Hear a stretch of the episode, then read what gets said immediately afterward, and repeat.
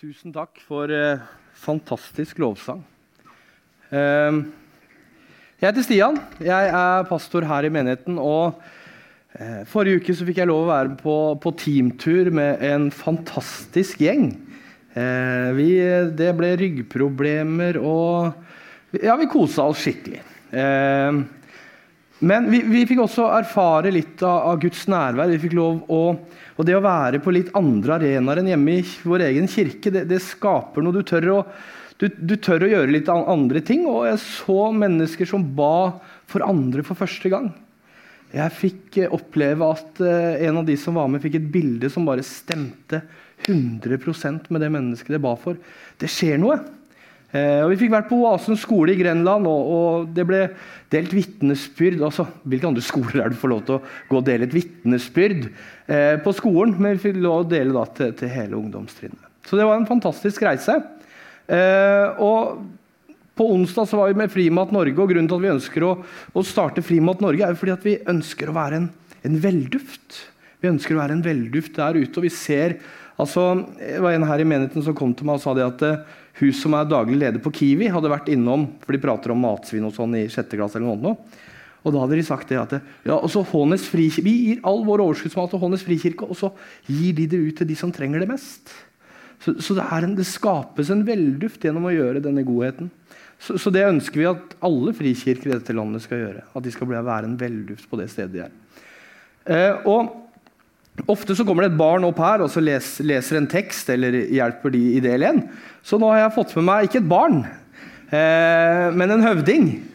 Eh, og eh, Per skal nå lese teksten, dagens tekst.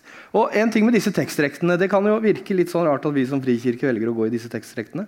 Men jeg har merka denne uka jeg har jobba med denne teksten, så, så, har jeg fått bryna meg på denne teksten. altså.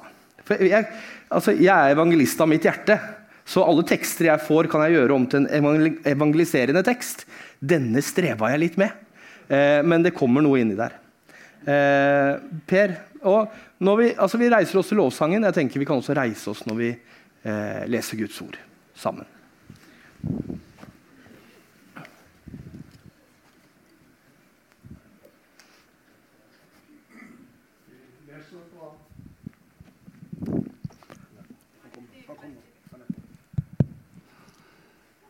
Vi leser fra Matteusevangeliet, det 21. kapittel.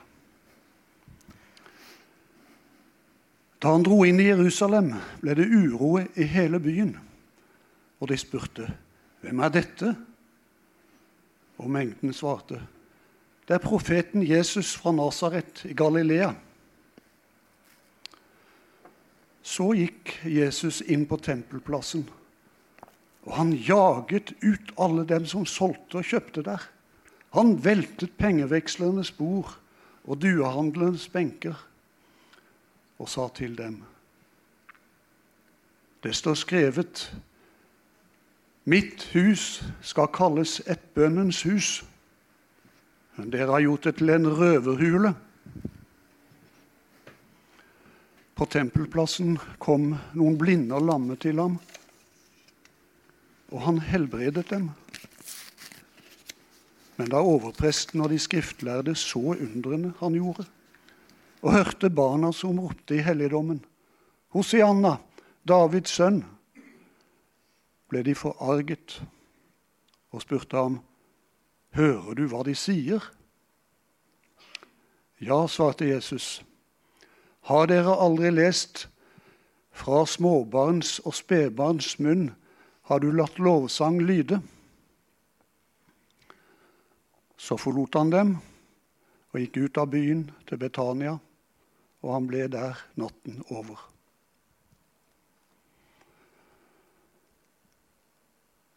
Så leser vi videre fra Jesaja kapittel 12. Den dagen skal du si, jeg takker deg, Herre for du var harm på meg. Men harmen snudde, og du trøstet meg. Se, Gud er min frelse. Jeg er trygg og frykter ikke. For Herren er min styrke og min sang, og han er blitt min frelse. Med glede skal dere øse vann av frelsens kilder.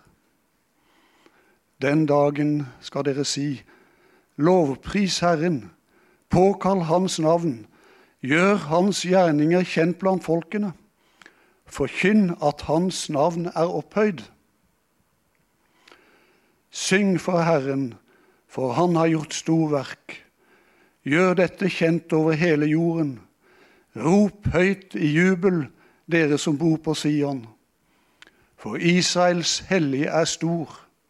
Han er midt iblant dere. Amen. Amen. Takk, Per.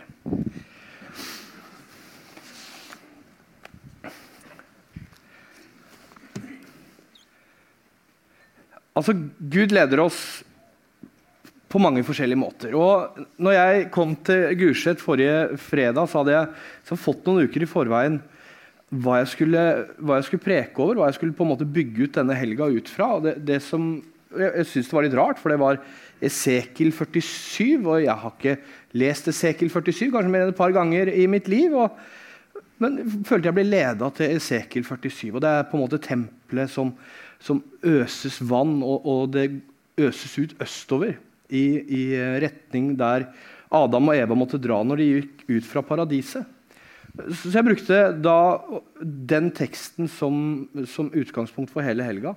Så kommer vi opp til Gulset. Eh, og jeg ljuger ikke mer enn jeg må. Jeg har til og med noen bak der som kan bekrefte dette.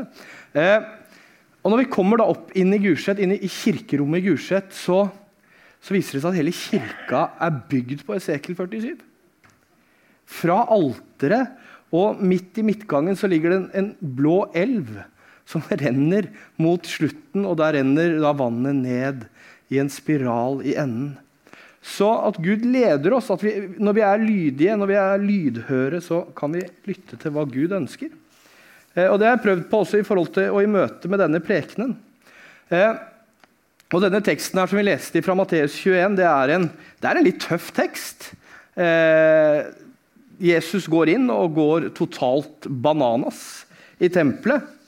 Eh, og han blir skikkelig sint. Og dette er også én av fem historier som alle evangelistene forteller om. Både Matteus, Lukas, Markus og Johannes. Så er denne eh, historien, denne fortellingen, eh, markant til stede. Og det som er da med de synoptiske evangeliene, altså Markus, Lukas og Matteus, de har den, eh, plassert den innenfor Jesus sine syv, eh, siste syv levedager. Altså når han kommer inn i Jerusalem. Mens Johannes han plasserer den nesten helt til å begynne med. Eh, og hvorfor plasserer Johannes den helt, begynne, altså helt i begynnelsen av sitt evangelie? Eh, har mange stilt seg spørsmål om tidligere. Men det interessante er jo at eh, det er noe med denne historien som er utrolig viktig. Og Derfor så tror jeg Johannes også ønsker å ta denne historien inn helt til å begynne med. For den, den gir oss en linse til å se Jesu liv og virke igjennom. Hva er det som er nøkkelen, og hva er det som er i Guds hjerte her i denne fortellingen? Jeg tror det er mer enn at Jesus bare klikka fullstendig. Eh, jeg tror at det har eh, Altså, jeg har ofte falt tilbake på denne fortellingen når, når jeg har blitt sinna på ungene. For eksempel. Sånn som Ingunn viste så fantastisk her i stad. Det kan koke over til slutt. Eh, og da har jeg tenkt ja, men Jesus ble sinna, han også. Det er menneskelig bare det å bli litt sinna av og til. Eh, men jeg tror det handler om noe mer. Og litt, Når vi går inn i denne fortellingen, så vil jeg bruke både den fra Matteus jeg vil også bruke Markus-teksten, eh, som uttyper det litt, litt mer. Og Når Jesus går inn, så sier han at eh, det står skrevet mitt hus skal kalles bønnens hus, men dere gjør det til en røverhule. Og Dette har eh, Jesus med seg fra Jeremia og Jesaja. Så det er ikke noe han finner opp selv. Men jeg tror det handler om eh, måten han ser disse prestene, levittene, disse menneskene, hvordan de behandler de som er marginaliserte de som var i ytterkanten av samfunnet. Og Profetene snakker om hvordan vi behandler mennesker som strever, som er fattige, som er farløse, spedalske eh, og enker. Hvor er det de står med Gud hen? Jesus sier at Gud er i disse menneskene, eh, som det står også i Matteus 25, at det du gjorde mot en av mine minste små, det gjorde du også imot meg. Så det å vise barmhjertighet altså Når Jesus går inn i dette tempelet, så ser han da at eh, det er pengevekslere. Og det som er så spesielt med disse pengevekslerne, er at det, Eh, den valutaen som ble brukt på utsida av tempelet Du kunne gå og kjøpe en due for, for, bare noen få kroner. så kunne du kjøpe en due, Men når du kom inn i tempelet, så kosta den dua fem ganger mer. Og du kunne ikke bruke de pengene som du hadde, som du brukte ute i Jerusalem. Du måtte veksle de om til shekel, og da plutselig ble det et lite gebyr der. Eh, og så måtte du kjøpe disse duene for å kunne få lov å komme og ofre framfor Herren. Så Jesus ser noe som gjør han skikkelig, skikkelig sinna. Og hva er det han gjør? Han går inn i tempelet, og så tar han med seg noen bak seg. Hvem er det han tar med seg? Hvem er det som kommer sammen med Jesus inn i tempelet? Jo, det er de menneskene som, som strever. De fattige, de farløse, enkene, de spedalske kommer inn i tempelet sammen med Jesus. Og han helbreder dem. Og hva er det med disse menneskene som ligger Hvorfor ligger de så tett på Guds hjerte? Hvorfor er det, hvorfor er det de Jesus kommer til? Hvorfor er det de Jesus helbreder? Mor Teresa ble spurt hvordan, hvordan klarer du å holde deg så nær, nær til Gud. Hvordan klarer du å holde deg så nær til Jesus? Og hun svarte det er fordi jeg lever nær de fattige. Hei. Eh, Sånn er det å være pappa og pastor samtidig. Eh, og jeg tror noe av sannheten ligger her. Fordi at I vårt materialistiske samfunn så er det så lett å bli distrahert. Fokusere på alle de tingene vi skal ha. Pusse opp, nytt kjøkken. Jeg hadde en diskusjon med kona mi. Eh, trenger vi det? Nei, men det hadde jo vært mye finere, da. Jeg vet ikke om noen av dere menn har kjent på det i diskusjonen med, med kona. Trenger vi det? Nei. Så det kjøkkenet det er bare 22 år gammelt. Det funker like bra i dag. Ja, men det hadde jo vært Det går fint. Eh, men vi vil kjøpe nytt. Vi vil ha ny hytte, vi vil ha større bil, vi vil ha bedre bil. Eh, og hva er det som gjør at vi, vi, vi, på en måte ønsker å ha alle disse tingene?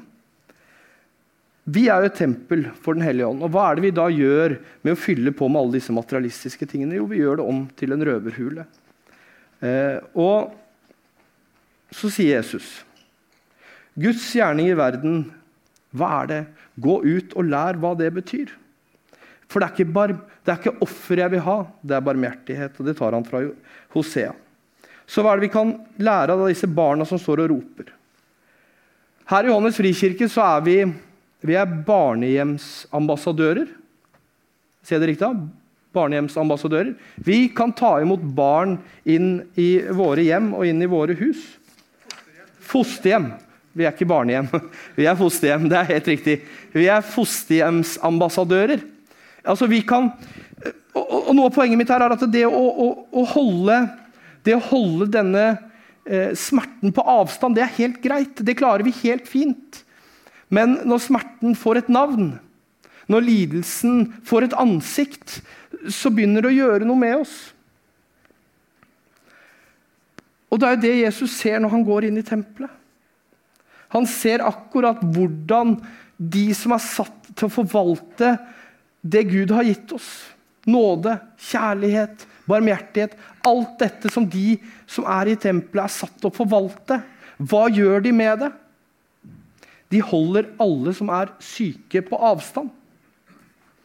Det var sånn i hvis du hadde, for eksempel, var kvinne og hadde, hadde blødning, så, så, kunne du ikke komme inn i tempelet. Hvis du hadde vært sammen med noen eh, som hadde hatt en blødning, så kunne du ikke gå inn i tempelet. Da måtte du gjennom en renselsesprosess. Hadde du vært i nærheten av noen spedalske, så kunne du ikke komme inn i tempelet. Da måtte du gjennom en renselsesprotest. Så det som skjer, er at det, eh, de måtte gjennom mange mange prosesser for å komme inn i Guds hus. Men var det det Jesus kom for å si? at vet du hva, nå må dere gå og fikse opp og så skal dere få lov å komme inn til meg, og så skal du komme for å stå i rett forhold til meg. Nei, han sa det stikk motsatte. Han sa det at det kom til meg, så skal jeg helbrede deg. Det, det var akkurat det han gjorde. Han helbredet de, han møtte de, han møtte de der de var. Han snudde tempelet fra innsida til utsida. Men for å skjønne dette skriftstedet ordentlig, så må vi bli litt sånn tekniske. Jeg er ikke arkitekt, men vi må bli litt tekniske. Hvis jeg kan få opp et bilde på veggen Så er dette er hvordan Salmos tempel er utforma. Og hvis du ser helt i ytterste kant, så ser du Court of the Gentile, altså hedningenes, eh, hedningenes plass i tempelet. Og Det er jo her Jesus går inn. Og vi må også tenke det at det, Når vi leser denne teksten, så er det ikke sånn at, eh, at Jesus går inn i tempelet, og så plutselig bare klikker han og blir fullstendig gæren og, og sparker og pisker og kaster ting. Nei, han var der dagen før. Kvelden før. Står i Markus. Han reiste opp til, på tempelplassen, så seg omkring. Deretter så tok han med seg disiplene og reiste tilbake til Betania. Og så sov han. Han sov på det, og så kommer han tilbake dagen etterpå og gjør akkurat dette. Så dette er ikke noe som skjer tilfeldig, men han observerte noe, han så noe der inne som gjorde at han ble skikkelig, skikkelig sinna. Og hedningene, de som er helt ytterst, de får da ikke lov til å gå videre inn i tempelet, eh, fordi at det er bare for de utvalgte få. Og Helt innerst så har vi jo, jo helligdommen, der Guds tilstedeværelse er. Eh, og Så går det utover, så er det levittene, og så er det israelittene. Eh, og Det er ikke min stemme. For, altså, når jeg var i, var i, Skien på søndag, så var det ei dame som satt i salen sånn, så gjorde sånn Du burde ta noe å drikke. Jeg kjørte stemmen litt for hardt den helga. Eh, så av og til så kjører vi stemmen litt hardt. Eh, men noe av det første vi må forstå, da, det er at mange ikke kunne komme inn portene i tempelet engang. Det var de som var syke, lamme, blinde, spedalske, handikappede. Altså de som trengte Gud mest i samfunnet, var de som ikke fikk lov å komme inn. Man tenkte faktisk at en kronisk sykdom var en guddommelig avstraffelse. Altså at Gud velger å straffe disse menneskene for noe de har gjort. Altså, De fortjener å bli straffa. Er det noen her med kroniske sykdommer? Ja, en del her med kroniske sykdommer.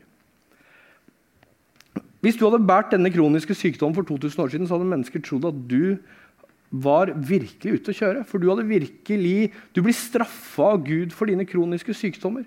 Og dette var sånn prestene og alle møtte deg. At du hadde gjort noe virkelig galt. Og dette er det huset Jesus går inn i.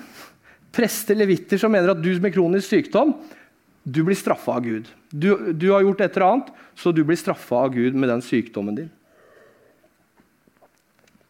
Og Jesus går inn i dette huset og bare klikker fullstendig. Han ser at ja, men dere gjør det til en røverhule. Dere lopper folk for penger.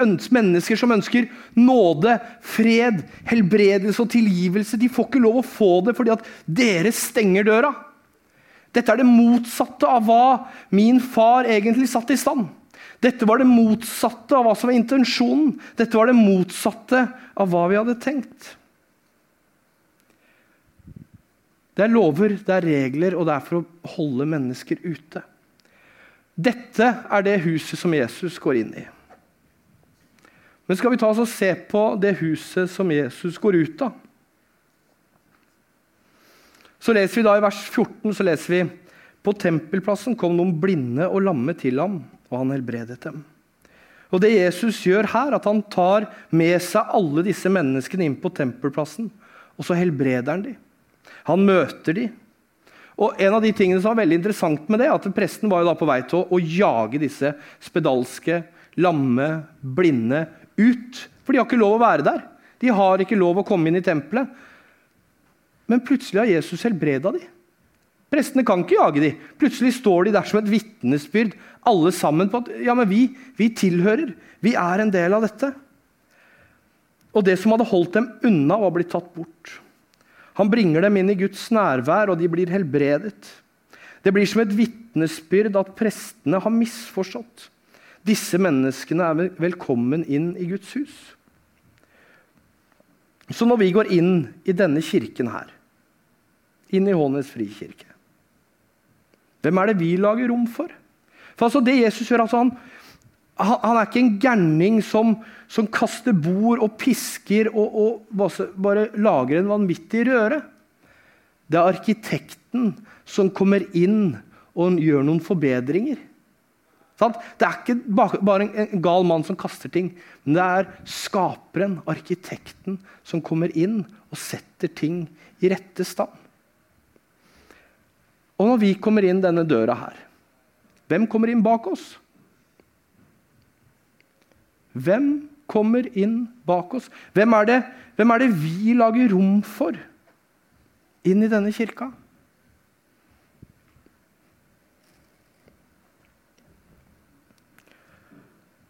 Og det Jesus begynte denne dagen på tempelplassen, det fullførte han syv dager senere, når tempelet og forhenget i tempelet revnet fra topp til bunn.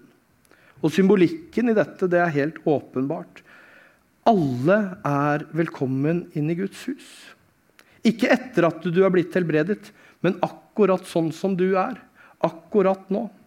For det er vår fars velkommen som helbreder deg.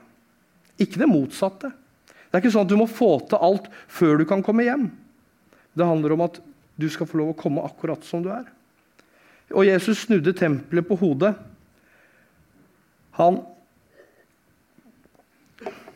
han satt ting i rette plass. Plutselig var de som hadde vært på innsiden hele tiden, prestene, levitene og alle som hadde fått til livet, de var plutselig satt på utsiden. Og de som alltid var plassert på utsiden, var nå plassert på innsiden. Og det er her vi må begynne. Det er her, inn i vår kirke, inn i vår menighet, det er her vi må begynne. Det er her vi må begynne med barmhjertigheten. Det er her vi må begynne med måten. Hvordan møter vi, vi i de menneskene vi møter i dag?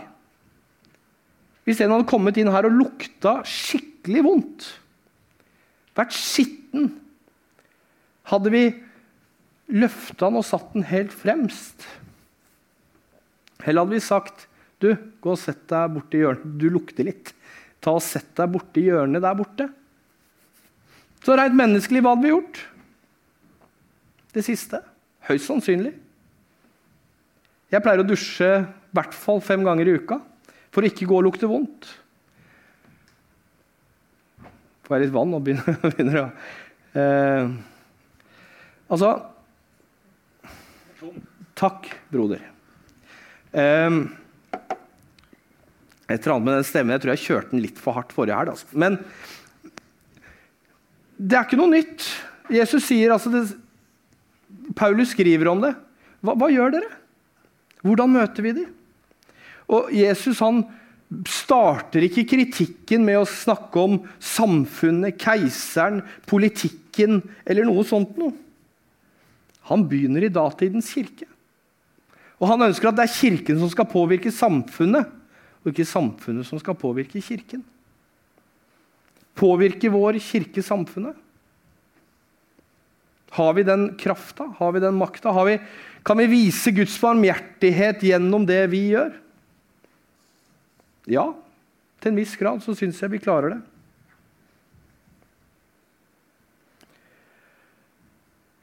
Hvem har du rundt deg når vi at du skal tenke litt. Hvem har du rundt deg som ikke føler at de passer helt inn i denne familien? Hvem har du rundt deg når du tenker akkurat nå, som du har snakka med, men som sier at 'Jeg vet ikke om Hånes frikirke er noe for meg'. Jeg føler liksom ikke at jeg passer helt inn der. Noen av dere som tenker, kommer, Dukker det opp noen da? Hva kan vi gjøre for å påvirke dette samfunnet mer enn at det påvirker oss? Luther tar et oppgjør med akkurat de samme tingene som Jesus gjør i dette. Altså når, når Luther blir sinna på den katolske kirke og, og bryter med den på, på begynnelsen av 1500-tallet, så var det av noe av de samme grunnene. Du lopper folk for penger for å kjøpe tilgivelse for syndene. Vet dere hva Slagordet til den katolske kirke var på 1500-tallet, når de holdt på å bygge Peterskirken. Der eh, hvor eh, mynten i avlatsbøssen klinger, sjelen ut av skjærsilden springer. Ja, Det er slagordet sitt. Kanskje vi skal gjeninnføre det? Kanskje vi får noen flere folk til kirka? Men det er jo akkurat dette som skjer, da, fordi at det, bare 1500 år etterpå så driver kirka med akkurat det samme som Jesus klikker fullstendig for når han går inn i tempelet. Akkurat det samme! Hvorfor lærer vi ikke? Hva, hva er det med oss som gjør at ikke vi lærer?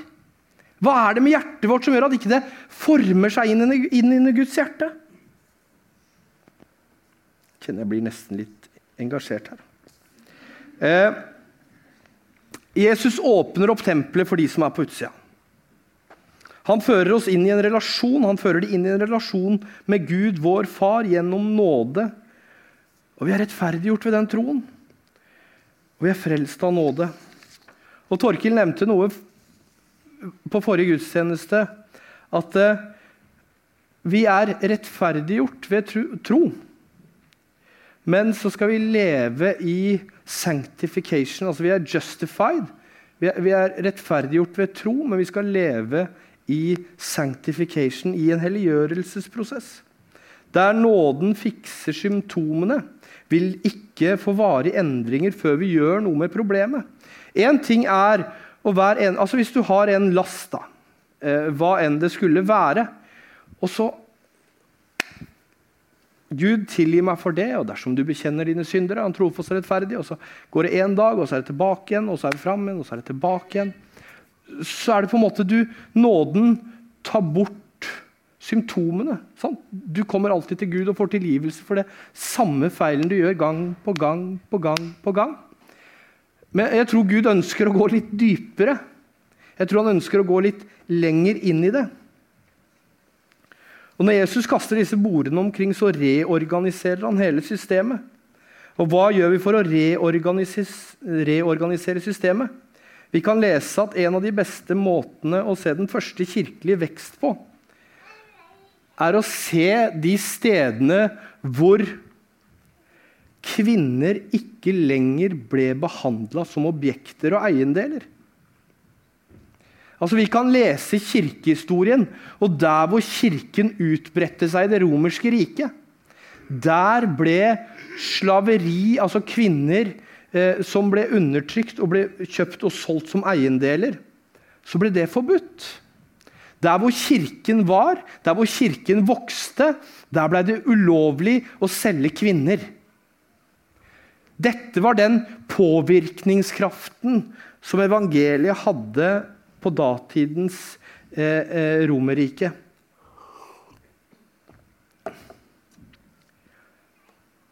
Og Da begynner vi å på en måte fikse ikke bare symptomet, men vi begynner å, å ta tak i problemet. Og hva er det som er problemet? Problemet er jo at vi, vi er så opptatt av oss sjæl. Vi er så opptatt av oss selv at vi glemmer å se de men, altså, Vi har Visjonen i Håndens frikirke er å elske Gud, elske mennesker og bevege verden. Og Bevegelsen fra å elske Gud til å elske mennesker er å bevege verden. Vi kan ikke være kyniske og kalle på den ene siden og barmhjertige og nådefulle på den ene. Det går hånd i hånd, rettferdighet og nåde. Når vi ser mennesker rundt oss som lider, og vi bare går forbi, vi orker ikke bry oss. Da blir vi kyniske og kalde, og så gir vi 200 kroner til en bøssebærer som kommer på døra, og så slår vi oss på brystet og sier at 'jeg er et, nå, jeg er et godt menneske'. Vi må tørre å gå inn i de vanskelige relasjonene. Vi må tørre å bygge ned våre egne murer, sånn som Jesus river ned tempelets murer. Sånn må vi også gjøre. Vi må la Jesus velte om noen bord i våre hjerter. Dietrich Bonhoeffer sier at bare kjærligheten kommer nær nok til å vite. Nærme nok til å se et ansikt, et navn, en historie. Og det er først da vi kan utgjøre en forskjell. Det jeg prøver å si med mange ord, det er at vi må lære av denne historien, og så må vi se hvem var det som kom inn bak Jesus. Hva var det han gjorde? Hva var grunnen til at han ble så sint? Han så at de som hadde alt på stell, holdt de som ikke klarte å få det til på utsida. De som virkelig trengte Guds nåde, ble holdt på utsida av murene. De fikk ikke lov å komme inn. Det er det som gjør Jesus så sinna. Og det koster noe av oss. Det koster noe av oss å gå inn i de relasjonene. Det krever noe av deg å gå inn i de relasjonene hvor du faktisk må bli kjent med en historie. Jeg var hos en person som eh, har gitt frimat eh, en god del med penger for å kjøpe julegaver til alle barna, til alle som kommer på frimat. Det er 25 000 i gavekort som bare personen ønsker å gi fordi han ønsker å gjøre en forskjell. Og så sa jeg til han, ja, men har du lyst til å komme på den dagen hvor vi skal dele ut disse gavekorta? Nei, det ville jeg ikke takla. Jeg hadde bare stått og grått. Jeg hadde bare stått og grått. For det blir plutselig et ansikt. Det blir plutselig en historie. Det blir et menneske. Det er ikke noe vi kan holde på avstand.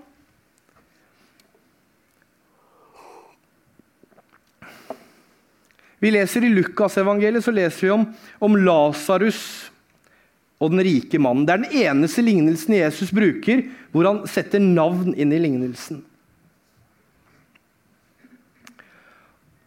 Og I denne historien så ser vi at eh, den rike mannen ligger på utsida av portene til denne rike mannen. Og Så dør begge to, og så blir den fattige mannen sittende hos Abraham, mens den rike mannen eh, blir eh, kasta langt, langt borte. Og hva er det denne historien forteller oss? Det ene delen av det er jo at eh, Hvor mange av dere har en uteligger liggende nede i nedkjørselen? Er det noen? Nei? Men denne rike mannen lar faktisk Lasarus ligge på utsida. Og det, det, var det ingen andre som gjorde, men han la, lot han ligge på utsiden. Han fikk lov å få restene av middagene. Ble delt ut av han. Så denne rike mannen var jo egentlig ganske snill og grei og god. Men han holdt det på avstand. Han ville ikke gå inn i relasjon. Han holdt Lasarus på avstand. Og da holdt det ikke med å bare være snill og grei og god. For han, Gud ønsker at vi skal gå inn i relasjon. Gud ønsker Og jeg tror dette er veien i vår helliggjørelse. da. Det er alltid enklere å gjøre noe godt enn å gå veien gjennom relasjon, slik at mennesket virkelig kan bli fri helbredet og møtt av Guds nåde. Men dette er den helliggjørelsen som vi er kalt til. Jeg har sagt dette mange ganger, og jeg kommer til å hamre på den samme spikeren enda flere ganger. Og det er at denne kirka, denne menigheten, vårt hjem, det skal ikke være et utstillingsvindu for oss som får det til. Det skal være et sykehus for de som ikke klarer det. Vi skal ha rom og plass og nåde nok til å møte disse menneskene og ikke sitte her med fordømmende blikk. Klarer vi det? Klarer vi å sitte ved siden av han som lukter litt vondt? Hvordan reagerer vi? Jesus helbreder oss her, her i kirka. Vi får lov å komme akkurat som vi er, hit inn i kirka. Vi får smake og se at Herren er god rett her inn i kirka. Og vi blir tilgitt her inne i kirka gang på gang på gang på gang. Men skaper vi rom, de vi tenkte på i stad, som ikke helt føler at de passer inn her? Klarer vi å skape det rommet hvor de kan få lov å komme inn og bli berørt av Guds kjærlighet? Så bevegelsen fra å elske Gud til å elske mennesker, det er å bevege verden. Og det handler om å gå inn i de litt tøffe relasjonene. Og ha, hvem skaper vi plass for og rom for bak oss når vi går inn i denne kirka? Dette tror jeg er noe av det teksten handler om. Jeg prøvde å vri det til evangeliserende tekst, men det, altså, det ble nådefull. Eh, og det setter oss litt på, på prøve. Eh, Øyvind, bare kom.